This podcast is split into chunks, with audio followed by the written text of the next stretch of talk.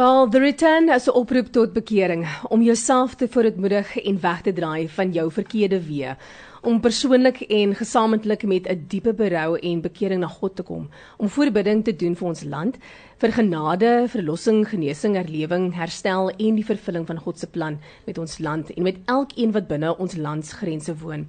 Nou vandag gesels ons met Graham Power, uitvoerende voorsitter van die Power Group, met die gebedsinisiatief wat eersdaags begin.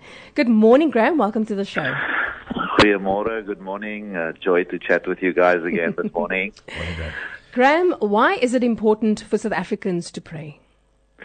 Well, first of all, I think at the moment with COVID, lockdown, all the challenges that our nation is facing, unemployment, um, corruption, um, the poverty, um, there's hopelessness out there. And, um, you know, this initiative, uh, The Return, um, started with some uh, uh, guy in the U.S. that put out this challenge, praying for America, and uh, and many countries around the world, including South Africa, just said, you know what, we have such a big challenge. Let us take this time of praying for our nation, and so we've got this ten day of ten days of prayer from the 18th till the 28th. And then on the 26th of September, that's a Saturday, from 3 till 4.30, there's going to be a one and a half hour live broadcast on Facebook and YouTube with leaders from across our nation um, that will really be looking at what are the key challenges and how can we stand together as a nation to pray for South Africa. We need it now more than ever. Yes. And what does the Return uh, SA Prayer initiative entail?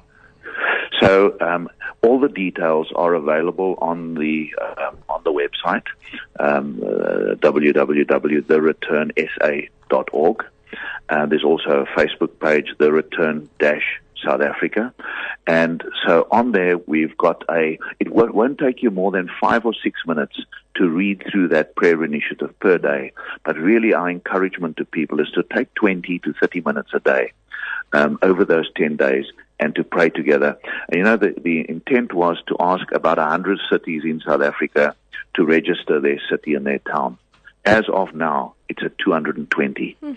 And so it's exciting to see how this thing, hierdie dinge het vlam gevat. Mm, mm. And there's such a desperation out there. There's such a concern.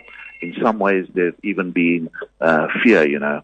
And so I'm really uh, excited to see how this thing has uh, has really gained such momentum and such energy because of the frustrations that you know all of us are facing.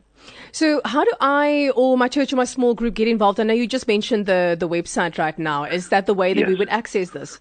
Absolutely. So, individuals, congregations, groups, even your your your workplace and so forth can register. And so all the details are available there. And we really want to ask people just to register their area. And if you know you're in Bellville and there's already a group or three groups registered, register your group as well. Um, and through that, we will get to know and be able to link up with people that are praying together. So the um, let's just say day one there's a short detail, a few scriptures, and so forth. As an individual, it probably won't take you more than six minutes to work through it. But really, the important thing is to say, can we jointly um, pray that prayer and then know that across our nation there would be tens of thousands of people that are praying on day one, on Saturday the 19th, on day two, the Sunday, etc., through till the 28th. And uh, I'm really excited that uh, you, as uh, Radio Tygerberg, have always been just such an anchor uh, and friends with with us as we've taken on these initiatives. Mm. And I know that you are going to be rolling this out daily for the 10 days, and also, of course, on the 26th to see how you can um, also broadcast a lot of what's taking place. Yeah. Uh, Graham, maybe on a more personal note, what role does prayer play in your life?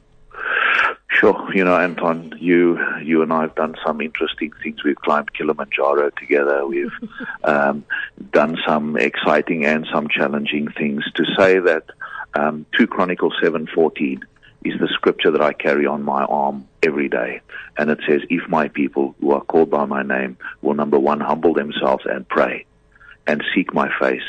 And turn from their wicked ways, what we call ethics, values, and clean living, unashamedly mm. ethical. Then God says, um, then I'll hear from heaven, forgive your sin, and heal your land. I'm of the view that every one of us each day needs to take a few minutes and be still that we need to, our dealings that we do in business, out there, that we need to be ethical in all we do. And then I believe that God will forgive my sin and heal my land, me, my family, my workplace, my ministry, my sports club, wherever I'm involved. So I, uh, I believe, uh, Anton Jeslondo, we went to Newlands in 2001. Mm. At that point, we had 22 bombs that had exploded in Cape Town in 18 months. From that day till today, I do not know of a single bomb that's exploded in our city. Mm. I will never underestimate the power of prayer. Mm-hmm. Amen. Amen.